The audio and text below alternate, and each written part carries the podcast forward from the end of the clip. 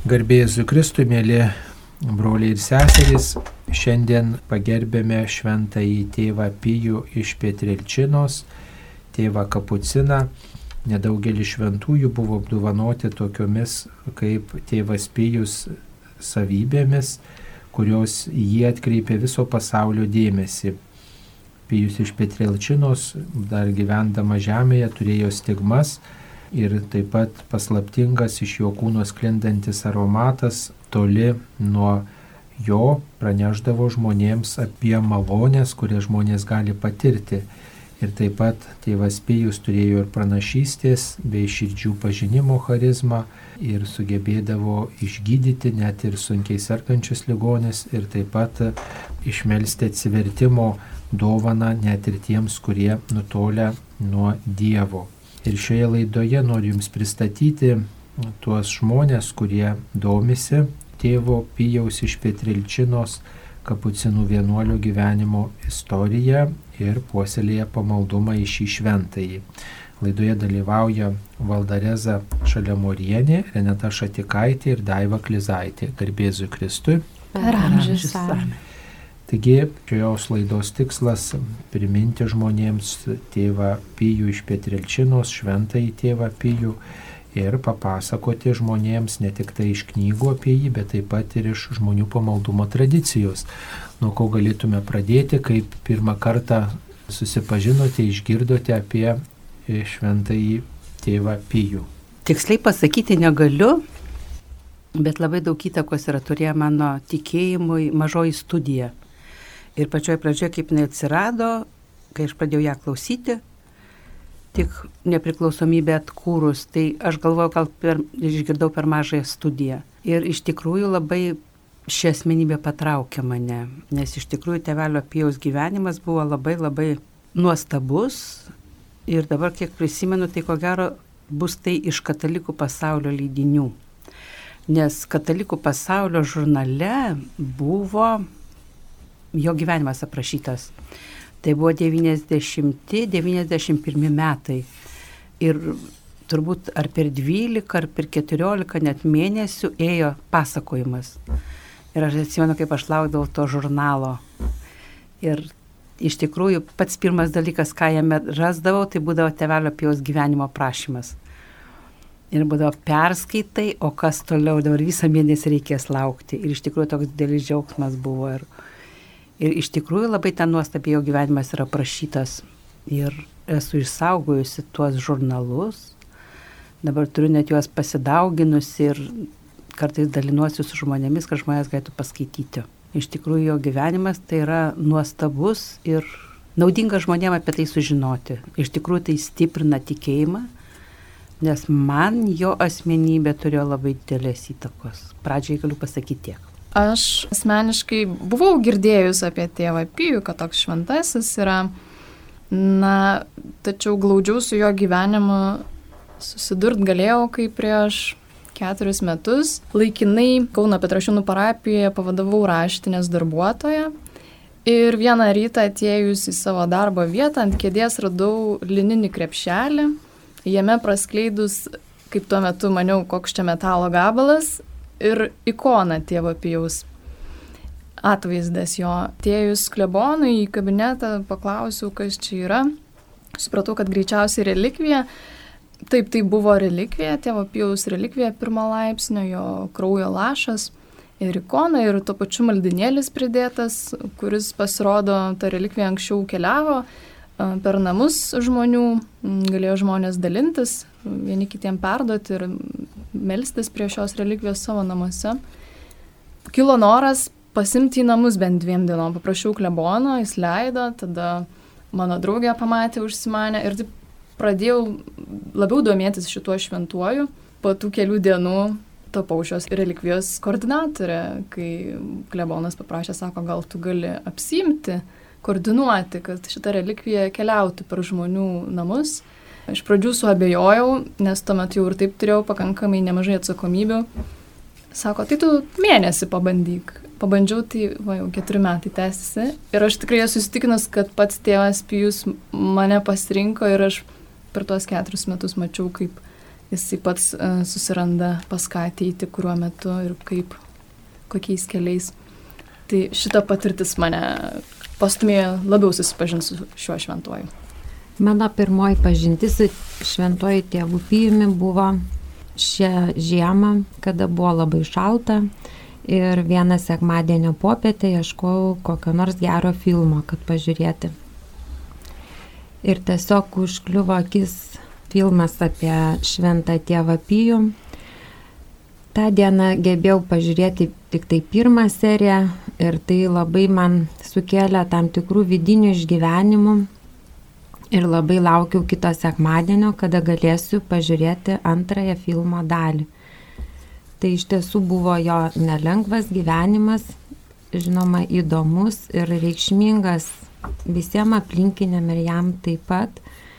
Ir po to filmo žiūrėjimo pradėjau truputėlį domėtis, aišku, internete, tai ką galima rasti kokios informacijos ir radau maldą į šventą tėvą Pijų. Ir tiesiog toks išgyvenimas yra toks, kad e, pradėjau melstis atsistojus, e, įsigijau paveiksliuką, jį pašventino kunigus ir prie šitą paveiksliuką pradėjau melstis, bet nutiko taip, kad tarsi kažkas sakytų, kad reikia atsiklaupti. Ir tada pradėjau pajusti, kad ta malda yra kitokia, yra ir jaučiu tam tikrą palaiminimą ir tokį tarsi ryšį su tėvu pijumi. Buvo vienas toksai ryškus atvejis pavasarį, kada mano tėčiui iškilo temperatūra, buvo 38 su dalimis Na ir, ir baigus kalbėti telefonu, aš pradėjau verkti ir galvoju, ką čia dabar daryti. Ir tiesiog pamačiau tėvo pijaus paveikslėlį ir iš karto supratau, kad reikia man klauptis ir prašyti tėvo pijaus pagalbos. Galbūt jisai padės mano tėčiui pasveikti. Nu, jeigu ne visam laikui, tai nors laikinai, kad nors šiandien aš suraukčiau tos geros žinios. Ir pasimeldžiau, praein pusę valandos, vėl susiskambinam ir sako, jisai man nukrito temperatūra. Ir tai buvo taip neįtikėtina, aš labai dėkoju šventam tėvui Pijui, kad už tą suteiktą galimybę tokią ir patikėti ir dabar labai to tikiu ir melžiuosi ne tik tai už savo tėtį, bet melžiuosi už aplink žinomus sergančius žmonės, už savo šeimos narius. Ir tikrai labai džiaugiuosi, kad jisai laimina mane, mano artimuosius. Ir tą pagalbą tokią tikrai jaučiu labai akivaizdžią. Jūs gal tą maldą čia ir atsinešėte, ne? Tai gal galite ir paskaityti tie, kurie dabar mūsų klausotės, tiesiog ir trokštat išgyjimo malonės, trokštat reikalingos pagalbos, taip pat atverkit savo širdį Dievui ir užtariant šventajam pijui, tegul viešpats jūs, jums su gyvenime padeda. Malda į tėvą Pijų. Mylimas tėvė Pijų, šiandien aš jungiuosi maldoje kartu su tūkstančiais kitų, kurie myli ir garbina tave Kristaus vardu. Jie prašo išgydymo ir sielos išganimo, žemiškų ir dvasinių palaiminimų, kūno ir dvasios ramybės. Tavo bendrystės su viešpačiu dėka jis išgano tuos, kuriuos tu užtari ir atleidžia tiems, kuriems tu prašai atleidimo Jėzaus vardu. Paženklintas matomomis nukryžiuotojo Kristaus žaizdomis, kurias turėjai 50 metų, tu buvai mūsų laikų išrinktasis pašlovinti nukryžiuotąjį Jėzų. Prašau, leisk mums susigražinti Jėzaus Kristaus žaizdų garbinimą, nes mes išpažįstame jo brangų kraują, kaip tikrą išgelbėjimo ir apvalymo ženklą su meile apmastydami žaizdas, kuriomis buvo pervertos tavo rankos, pėdos ir šonas, kaip ir mylimo Jėzaus Kristaus, mes ne tik prisimename jo bei tavo pralietą kraują, kantriai pakeliant skausmą, bet ir tave gaubusi švelnų gėlių aromatą, simbolizuojantį viešpatės šventumo dvelgsmą. Tėve Pijau, tegul ligonių išgyjimas tau užtariant, tampa akivaizdžių liūdimų, jog esi viešpatės pakviestas į šventųjų bendryją. savo gerumu padėk man, palaimink mane ir mano artimuosius, vardant Dievo tėvų ir sunaus ir šventosios dvasios. Amen. Taip, tai štai tokia malda, tegul visi, kurie ją meldėmės, patirsime švento tėvo pijaus artumą ir mm, tiesiog per šio šventojo užtarimą tegul viešpats gydo ir keičia mūsų gyvenimą. O to egzotiško kvapo, rožių aromato, stipraus rožių aromato gal ir Lietuvoje kažkam teko uh, užuosti, ar girdėjote apie tai, o gal ir jūs buvote liudininkai to nepaprasto stebuklo. Labai labai šito norėtųsi, bet iš tikrųjų neteko. Mano širdį tik yra labai palietęs vat, jo gyvenimo įvykiai. Vat, ką galėčiau papasakoti iš jo gyvenimo, ką, kas labai giliai strigo. Tai atvejas vienos mergaitės, kuri nuo gimimo buvo gimusi akla. Ir kada jinai buvo tėvelio pijaus ruošiama pirmai komunijai, prieimusi švenčiausiai sakramentą, mergaitė praregėjo. Medikai žvelgia ją ir sako, jinai turi būti akla, nes pas ją akių lėlučių nėra nuo gimimo defektas buvęs, kuris buvo, jis išliko, bet jinai mato nuo tos dienos. O tai reiškia, toks stiprus viešpaties veikimas buvo per šitą žmogų, tai ir kaip ženklas kitiems žmonėms labai stiprus. Tėvelis Pijus turėjo labai nuostabę dovaną, nu, tokia iš tikrųjų tai gal sunkia dovana, padėti žmonėms atlikti išpažinti, išpažinti nuodėmės, kurie jie, jas yra pamiršę arba neišdrįsta pasakyti. Štai kartą pas tevelį pijo ateina moteris atlikti iš pažinties, jinai viską išpažįsta.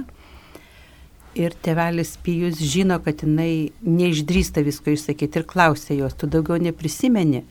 Jinai sako ne. Ir jisai ją siunčia pasivaikščio, sako pasivaikščio, gal prisiminsi.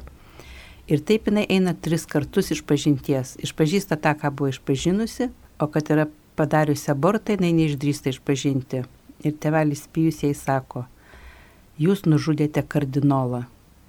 Reiškia, jisai ne tik, jam buvo leista pažinti ne tik tai, kad jinai padarė abortą, bet netgi kuo turėjo būti žmogus, kurį jinai nešiojo paširdimi. Šiomis dienomis iš tikrųjų, kaip sako, mados keičiasi. Pasaulis labai diktuoja, nu, kaip aš sakau, šetonas diktuoja žmonėm tokius dalykus ir žmonėm atrodo, kad išpažintis nebemadinga, kad tarsi to nebereikia dabar nauji laikai. O iš tikrųjų va, šitie atvejai kaip parodo, kaip tai yra tikra ir kaip tai yra būtina. Daug labai atvejų yra prašyta tėvelio pjaus iš pažinčių. Na, aš asmeniškai rožių kvapą irgi nejausdavau, kuomet uh, melsdavus tėvai pijo arba į mano namus uh, atkeliaudavo relikvija. Bet ką išgyvendavau tuo laiku, tai ramybė. Tarsi visus namus apgaubdavo tokia ramybė, noras žvelgti į Jėzų, kitiems tarsi pamaldumas į šventuosius asocijuojasi su kažkokiu garbinimu, ne, stabu. Man asmeniškai tėvelis Pijus nei kiek Jėzus neužgožė, kaip tik lenkė į Jėzų, kreipė į Jėzų. Išgyvenau jį kaip brolį, kuris šalia manęs atsisėda ir kartu su manimi meldžiasi. Beveik kiekvieną kartą, kai ta relikvija atvyksta pas mane, aš išgyvenu tokį poreikį, postumį apsivalyti nuo blogio, nueiti iš pažinties. Vieną kartą supratau, kad noriu apmelsti tą teritoriją, kurioje gyvenu. Tai pasikviečiau bičiulį, na ir mes kartu tiesiog eidami rožiniu apmeldėm tą rajoną, kur, kur gyvenam. Kad tiesiog atiduoti tą vietą viešpačiui ir kad laiminti tą vietą, kurioje gyvenu. Kita kartą tėvelis Pijus atėjo tada, kai aš rašiau magistrinį ir likau viena namie per kalėdas rašyti magistrinio. Ir man buvo labai sunku. Ir netikėtai viena moteris anksčiau tarsi tą relikviją gražino. Ir taip susiklostė, kad kelias dienas aš galėjau ją turėti ir išgyvenau tokį tėvišką palaikymą, ramybę, maldą gilesnę. Mano butiokė vėliau po dar kokių dviejų metų susiklostė, kad tuo metu jau jinai rašė magistrinį. Ir taip pat tuo sunkiųjų laiku buvo mūsų namuose relikvija. Aš neužfiksavau to fakto, bet prieš porą dienų ją susitikau ir kalbėjomės apie tėvą Pijų ir jinai sako, žinai, Renata, jeigu ne tėvas Pijus, tai aš to magistrinio nebūčiau parašęs.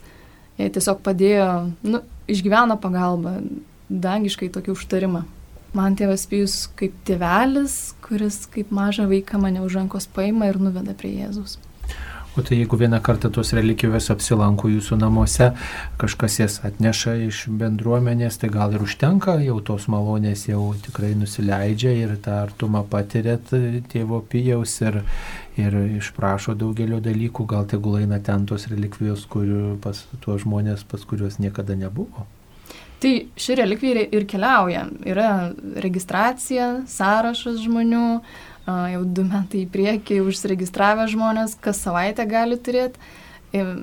Kas mėnesį turi būti viena, dviem dienom gražinama atgal į vienuolyną, paskui vėl gali keliauti.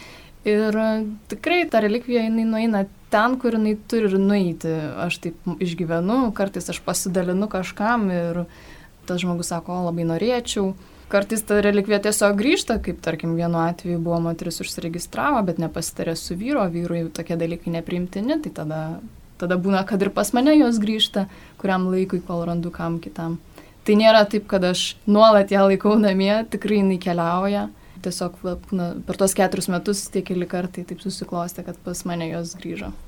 O tai koks jausmas paprastai e, relikvijos štai altoriuje yra, na, prie jų priklaupėme, nusilenkėme, e, tiesiog susimastom, yra paveikslai, nu tokia sakrali aplinka, o čia namie, tai žinot, viskas namie ir prausiuosi, ir, ir valgau, ir, ir televizorių gal žiūriu, ir viską tiesiog, nu tas gyvenimas verda ir čia va šventųjų relikvija, kaip ar visiškai kitaip gyvenimas tada stiguojamas, kai yra relikvija namuose.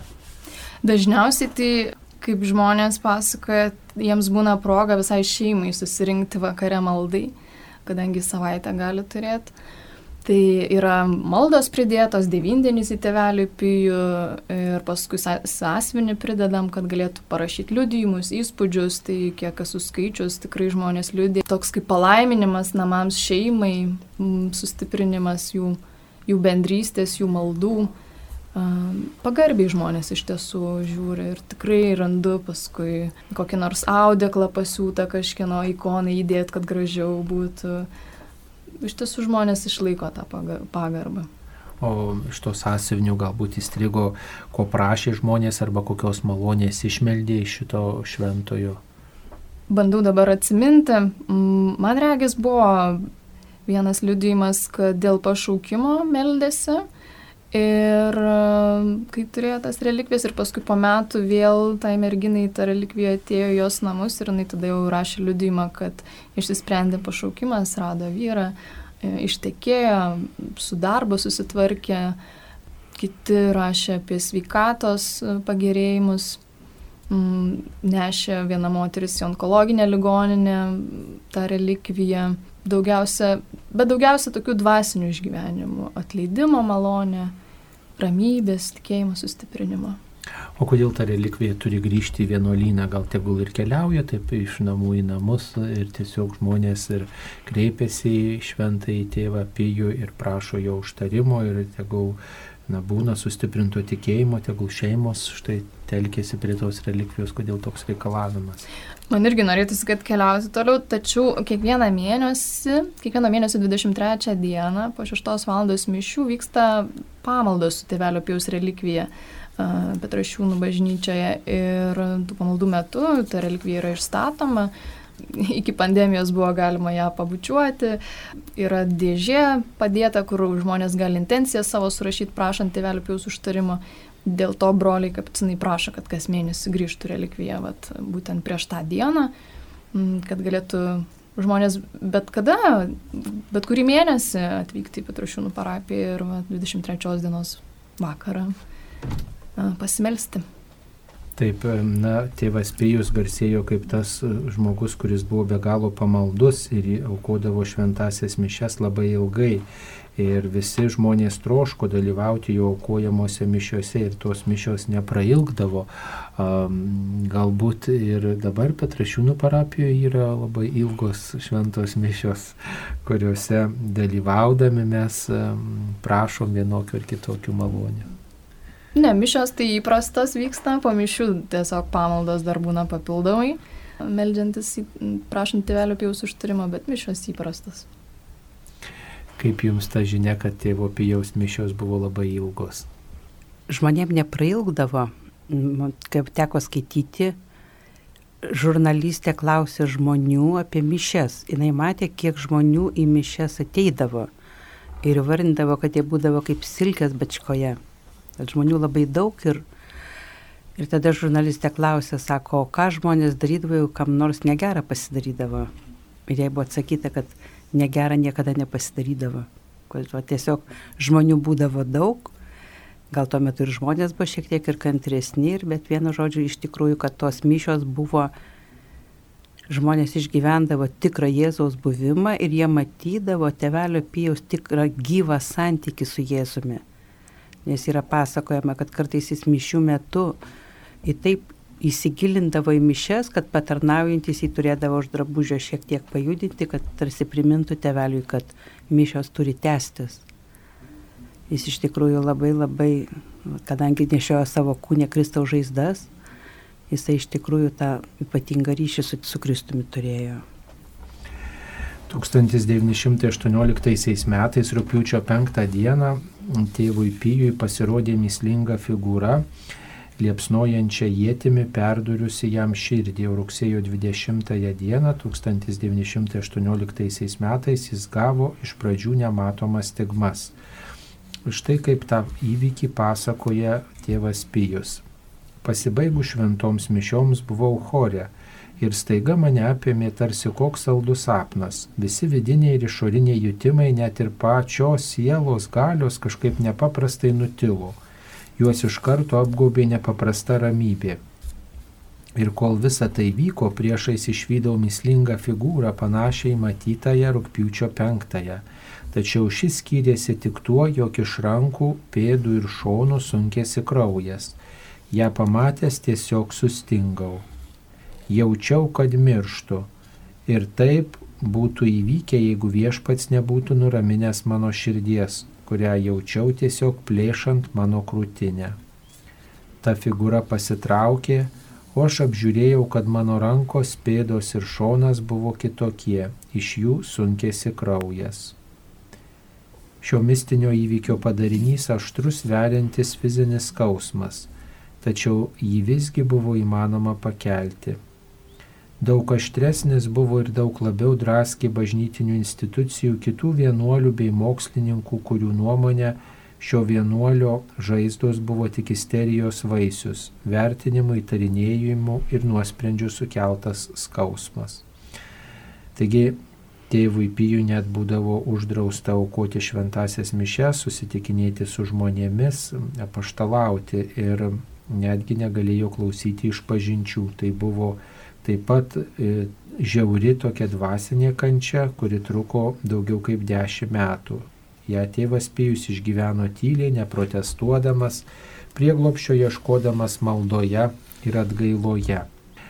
Tų slėpiningų žaizdų ant gamtiškumų niekada nesobėjoja žmonės, kai pasibaigė galioti šis nuosprendis, vėl ėmė kopti į vienuolyną, kad galėtų pasiklausyti vienuolio ir jį pamatyti su stigmomis rankose. Šias žaizdas tėvas Pijus vadindavo baisiu slėpiniu. Jam tai būdavo nepaprastos dvasinės įtampos akimirkos, jo veidas persimainydavo, akis spindėdavo, kūnas išeidavo už laiko ir erdvės ribų.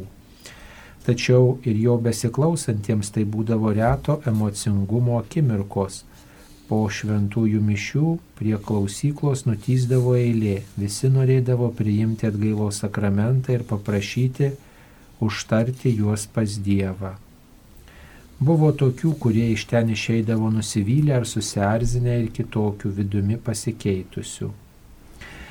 Taigi, mėly laidos dalyviai, dar gal keletą žodžių reikėtų tarti apie šias žaizdas, kurias nešiojo tėvas Pijus, ką esate apie jas daugiau girdėję ir kaip jas priimate, kad štai žmogus turi negyjančią žaizdas tose vietose, kurias e, ir Kristus e, tiesiog turėjo, kuriuose e, rankose, kojose turėjo ir taip pat kenti.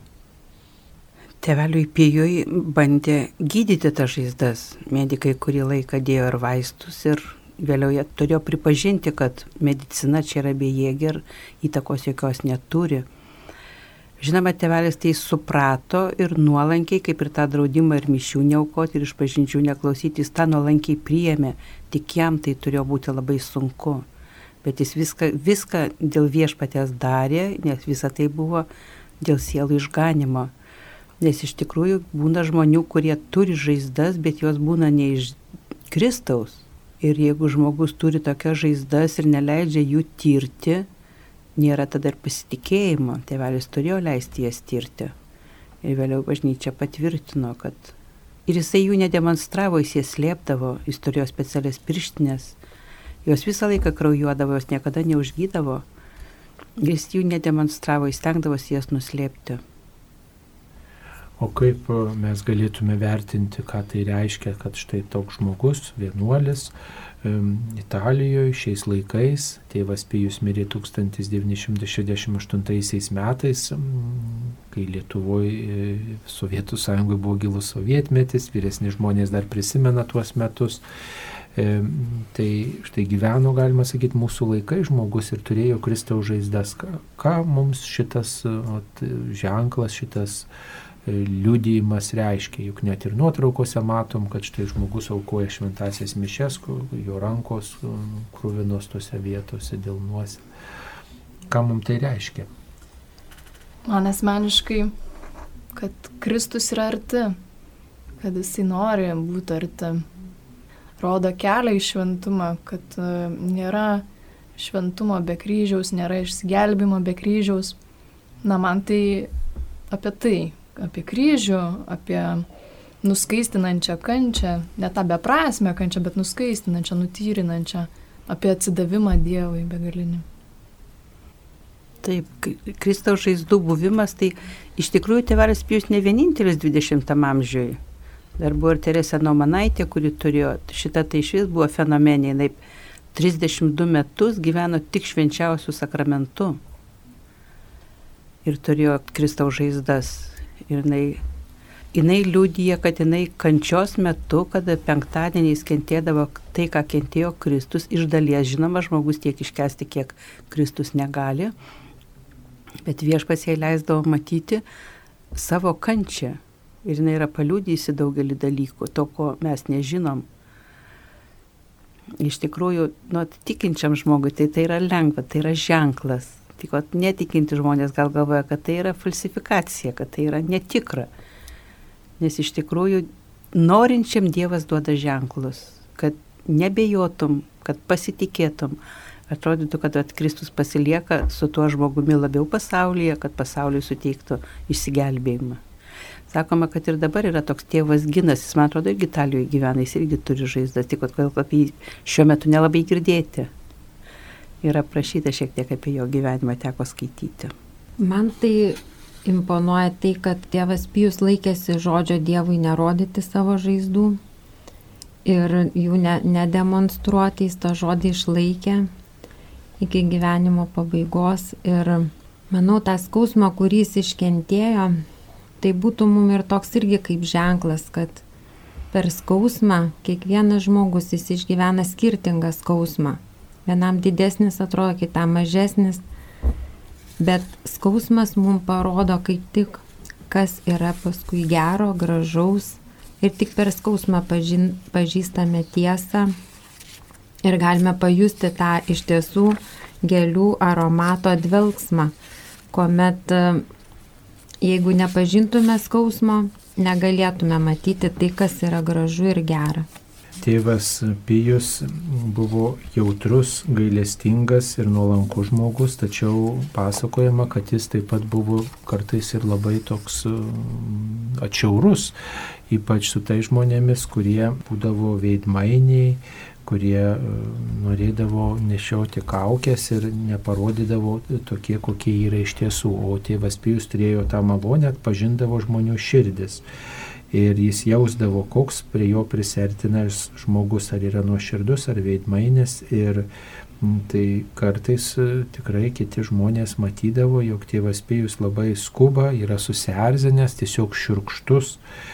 Ir mm, tiesiog atrodo, kaip čia šventasis turėtų būti tik tai malonus, mielas, ramybė dvelgti, bet ne griežtai pabarti, griežtai pasakyti ir net tiesiog susiraukti ir, ir susierzinęs būti, atrodo, tai nedėra šventajam. Ar esate apie tai girdėję? Esu skaičiusi, yra aprašyta. Ir po to aprašyta, kodėl tai buvo. Ir ne vieną kartą. Kartą, kada tėvelis iš tikrųjų su dideliu triukšmu iš bažnyčios išvyjo vyrą, prie kažkas pasakė, kad nu šitaip negalima, kad taip žmonės bažnyčią praras. Ir ne, ne pats tėvelis aiškina, bet kitas bro, brolis vienuolis paaiškino, kad tėvelis žino, ką daro. Nėra buvę, kad nors vienas išvarytas nesugrįžtų. Ir ten buvo toks labai, labai stiprus žiaurus atvejas, kada vyriškis turėjo meilužę ir šitos kelionės metu pas tėvelį Pijų ruošėsi savo žmoną nužudyti jis ruošiasi taip interpretuoti į tą kelionę, kad tai yra nelaimingas atsitikimas. Ir jam tik, va, tam žmogui prie, prie klausyklos jis jį taip aprikė, kad tas žmogus iš tikrųjų grįžo ir grįžo su labai didelė atgaila. Ir tai pasitaikydavo tokiu atveju. Ir iš tikrųjų, at pas mus dabar šiandien taip yra. Labai dažnai žmonės irgi atrodytų, kad iš kūnigo reikalauja, nu kaip iš medicinos sesers, žaizdų paglostimo. O ne visada tai yra naudinga ir ne visada vaisių duoda, nes iš tikrųjų, ką nešam kunigui, nešam faktiškai kaip per kunigą Jėzui, ką nešam, nešam savo šiukšles, o viešpas mums už tai deimantus duoda. Ir kad žmonėm atrodo, kad iš tikrųjų vat, kunigas negali pabarti. Man tekdavo vaikus ruošti pirmai komunijai, tai irgi būdavo bijo pirmos nuotos išpažinties.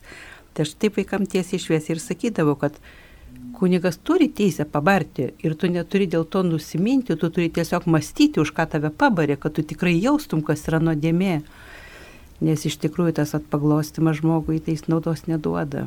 Tėvelis turėjo ypatingų dovanų. Ačiū Dievui, kad jis ir šiandien jomis mus užtarė, o mes tebe galime naudotis. Tai kaip skaitom jo biografiją, atrodo, kad labai daug vienam žmogui dovanų, gal viešpačiu reikėjo išmintingiau elgtis ir padalinti įvairiems žmonėms tas dovanas. O štai žmogus ir, ir, ir ateitį numatė, ir, ir, ir žmogaus širdį permatė, ir, ir stigmas turėjo, ir dar daugybės dalykų išmeldė žmonėms. Kodėl viešpats taip vieną žmogų apipylė, gal galėjo padalinti tas dovanas įvairiems žmonėms, nekyla jums tokios mintis? Nu, man atrodo, kad viešpats išdalinęs dovanas yra visiems. Tai gal tėvelis labai nuoširdžiai tą viską priėmė ir labiau panaudojo. Jis iš tikrųjų, sakytumėm, jeigu taip nuoširdžiai žvelgdami, tai atrodytų, kad pats Kristus mūsų tarpe gyveno. O jums teko girdėti, kad va, tėvelio vienuolio statula buvo pravirkusi krūvinomis ašaromis, prieš jį paskelbint šventuoju. Gal klausytojai irgi nežinojo, tai pagarsinsiu, nes tai irgi viešpatė ženklas pasauliui Nes iš tikrųjų tėveliui šiandien ir danguje būnant, kada mes melžiamės, jam yra gera mūsų užtartis ir užtarė, bet kiek yra dalykų, ką tėvelis turbūt šiandien matydamas irgi, nu, neturi dar danguje ramybės. Na tai, tai įvyko 2002 metais, kada jis e, buvo paskelbtas e, šventuoju. Tai vyko Vatikane, o ši statula stovi Sicilijoje, Mesinos mieste. Ir pasakojama, kad rausvas kystis ėmė sunktis iš dviejų metrų aukščio tėvo pijo statulos. Na ir šį reiškinį tyrė įvairių žmonės, nes bijojo, kad tai gali būti klastoti, kad tai apgaulė. Tačiau paneigta, kad tai nėra klastoti, kad tai nu, nepaaiškinamos kilmės ašaros yra kaip tik tai to įvykio išvakarėse, kai kai šventuoju buvo paskelbtas tėvas Pijus iš Petrilčinos. Taigi, dar gyvendamas Pijus 1940 metais, kai pasaulis sprendė baisę karo tragediją, tėvas Pijus daug meldėsi, atgailavo už pasaulį ir kvietė melstis kitus žmonės. Jo rūpeščiu atsirado maldos grupės, kurios išplito visame pasaulyje. Savo ordino kapucinų ordino broliams tėvas Pijus sakė, malda yra Dievo lobių raktas, tai pergalė lemiantis ginklas kiekvienoje kovoje už gėrį prieš blogį. Taigi tas maldos grupės steigė gyvendamas Italijoje, karo metais, pokario metais ir taip pat tos maldos, tų maldų tam tikra žinia pasiekė ir mus, e, tų maldų grupelių. Jūs taip pat turbūt tokioj maldos grupelėje dalyvaujate.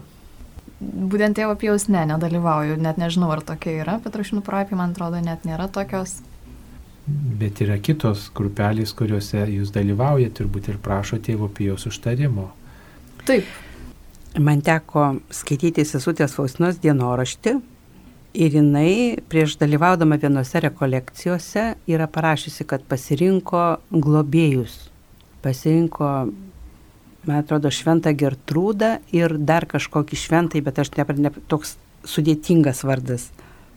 Ir aš labai dažnai dabar taip darau, kad koks rimtesnis renginys ar na kažkoks darbas rimtesnis ir reikia, nu, tiesiog kartais pasirenku. Ir tėvelis Pijus yra vienas iš tų šventųjų, kur yra, na, nu, kaip sakyti, arčiausiai mano širdies, aš gana dažnai jo prašau globos savo gyvenimu ir, ir tiesiog malonės išprašyti man, kad aš galėčiau teisingai Dievo valią vykdyti. Ir tikrai tėveliui Pijui aš esu viena iš tų, kur jo meilė žmonėm ir užtarimu naudojosi. Tarp daugelio savybių, kuriomis buvo apdovanotas tėvas Pijus, jis turėjo ir dovaną numatyti savo mirties datą kartą, o tai buvo dar 1918 metais, kai jis ką tik buvo gavęs stigmas, vienam dažnai vienuolyną ateidavusiam žmogui jis pasakė, nagi drąsos, mums dar ištisi 50 metų prieš akis. Ir po 50 metų 1968-aisiais, kai tėvas Pijus su maldininkais rengėsi paminėti stigmų gavimo įvykio pusės amžiaus jubiliejų, Tėvas Pėjus prisertino prie to tikinčiojo, su kuriuo dažnai susitikdavo, bendraudavo ir jam pasakė tyliai, tie 50 metų jau praėjo. Rugsėjo 20 dieną, sekmadienį, buvo surinkta didelė šventė, tėvas Pijus aukojo šventasias mišes, o paskui pasirodė langė norėdamas palaiminti gausiai susirinkusius piligrimus. Tai buvo paskutinis kartas, kai žmonės matė jį gyvą, nes rugsėjo 23 dienos naktį sukalbėjęs rožinį jis mirė. Kaip jums atrodo, kodėl tėvui Pijui buvo duota tokia malonė numatyti savo mirties datą, kam to reikia?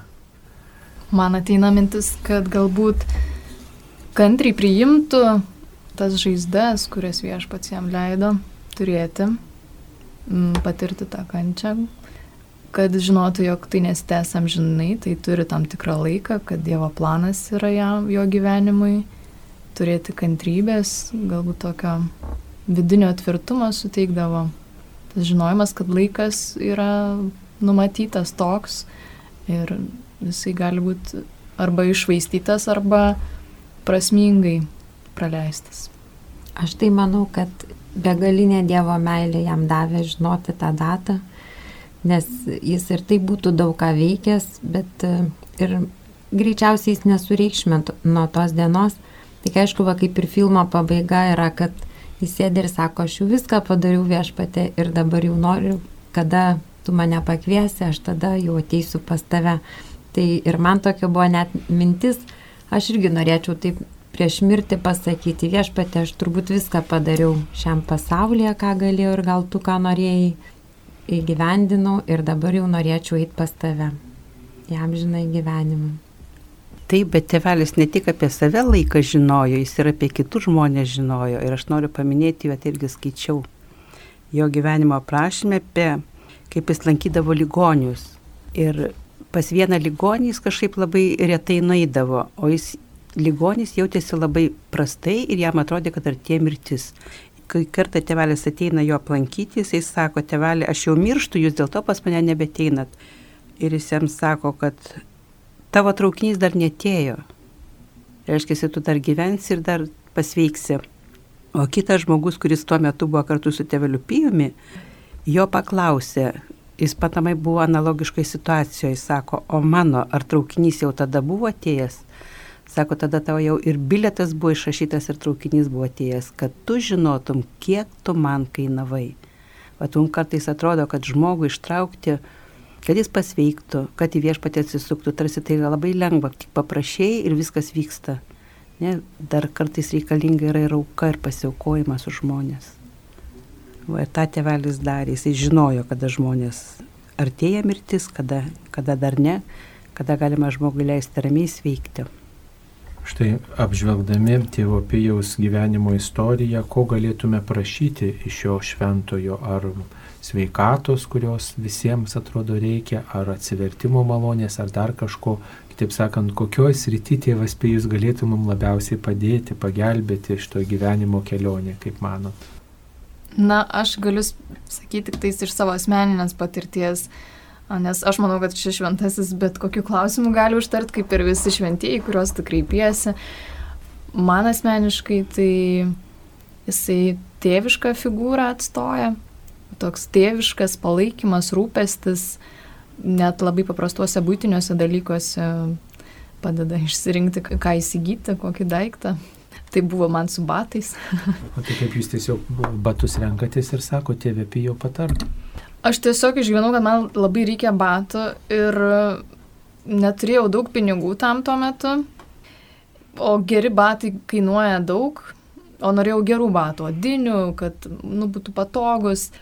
Ir kažkaip pavedžiau tą tėvai pijų ir tokius paprastus dalykus iš tiesų meldžiausi ir, ir pavedžiau tokį vaikišką atrodė tuo metu prašymą. Ir išlipau vienoje stotelį, pamačiau, o, valinės parduotuvė, nu, užsuksiu, pažiūrėsiu. Ir radau tikrai batus, kur ir minkštučiai, ir patogus, ir už tą kainą, kokią aš galiu sumokėti, ir odinį, ir, ir šiuo metu vat studijoje su jais sėdžiu. Ir nutrynė jie man kada nieko, kelimti metai nešioju. Ir tikrai aš širdį žinau, kad čia tėvelio pijaus užtarimas, kad jis manim kaip vaiku tėviškai užtarė prieš viešpatį. Tai aš pasikaip pas tėvotį eičiau. Aš linkėčiau ir visiems radio klausytojams ir pati savo, mano artimiesiems, kad tėvas Pijus būtų greta mūsų, lydėtų mus ir teiktų mums palaiminimą. Ir nepamirštume jo minčių apie dvasinę šeimą. Aš myliu savo dvasinius vaikus taip, kaip savo sielą ir net labiau. Jei aš imu rūpinti sielą, aš rūpinosi visa jos šeima, kaip savo dvasiniais vaikais. Jums, mano dvasiniai vaikai, niekada nepritruks mano maldų. Jei mano dvasinis vaikas pasiklys, aš paliksiu savo bandą ir surasiu jį. Taigi mylėkime tėvą Pijų, melskime jam ir tikėkime jo begalinės globos ir rūpestingumo mumis ir svarbiausia mūsų artimaisiais. Ką aš galėčiau paprašyti tėveliaus Pijos ar, ar tiesiog ko prašau? Man tėvelis Pijus turbūt yra tas ištikimasis Dievo karys. Aš žvelgdama į jį turiu begalinį troškimą, kad gal ne taip plačiai, ne tiek daug, bet nors kažkuriuose srityse, kažkuriuose darbuose norėčiau būti ištikima Jėzui ir nudžiuginti jį savo darbu, ką aš galiu atlikti. Nes iš tikrųjų esu liudininkė gyvenime, kaip Dievas teikia malonės, kaip lydi ir man pavyzdžiui sveikata nėra svarbiausias dalykas nes yra labai daug sveikų žmonių, kurie nėra laimingi ir, ir yra nemažai žmonių, kurie serga, bet yra laimingi, kurie turi tikėjimą. Man jau eilę metų patys svarbiausi dalykai tai yra tikėjimas. Kai turi tikėjimą, viską turi. Net jeigu ir sergi, žinai. Jeigu sergi ir rimtai sergi, esu tikrai rimtų problemų gyvenime turėjusi ir prieš, prieš antrą onkologinę operaciją pusę metų kartojau, kad jeigu reikės su Kristumi pereisiu per ugnį ir vandenį. Ir, ir taip ir buvo, atrodo, iš, ir dar esu liudininkė to, kad Dievas iš anksto ženklus kai kuriuos duoda. Jeigu mokame būdėti, mokame juos skaityti, viešpaties perspėjimas ateina iš anksto. Vat ir tevelio pijaus irgi žinoma. Esu nemažai patyrusi gyvenime, kada, vat, kaip ir Renata pasakojo, kad kartais labai paprastuose dalykuose pajauti Dievo globą. Kartais tai būna, kad ir per šventųjų užtarimą, ar kartais tiesiog viešpatės priemam. Nes viešpas ne tik pačiais svarbiausiais, jis, jis ir paprastais dalykais rūpinasi. Ir esu be galo dėkinga ir, ir Jėzui, ir tėvui Pijui. Mėly Marijos radio klausytojai, šioje laidoje kalbėjomės apie tėvą Pijų, kalbėjomės ne iš knygų, bet iš maldos praktikos, iš pamaldumo tradicijų, nes tėvas Pijus, jo relikvijos gerbiamos ir Lietuvoje štai keliauja po šeimas ir daugelis žmonių prašo tėvo Pijaus užtarimo.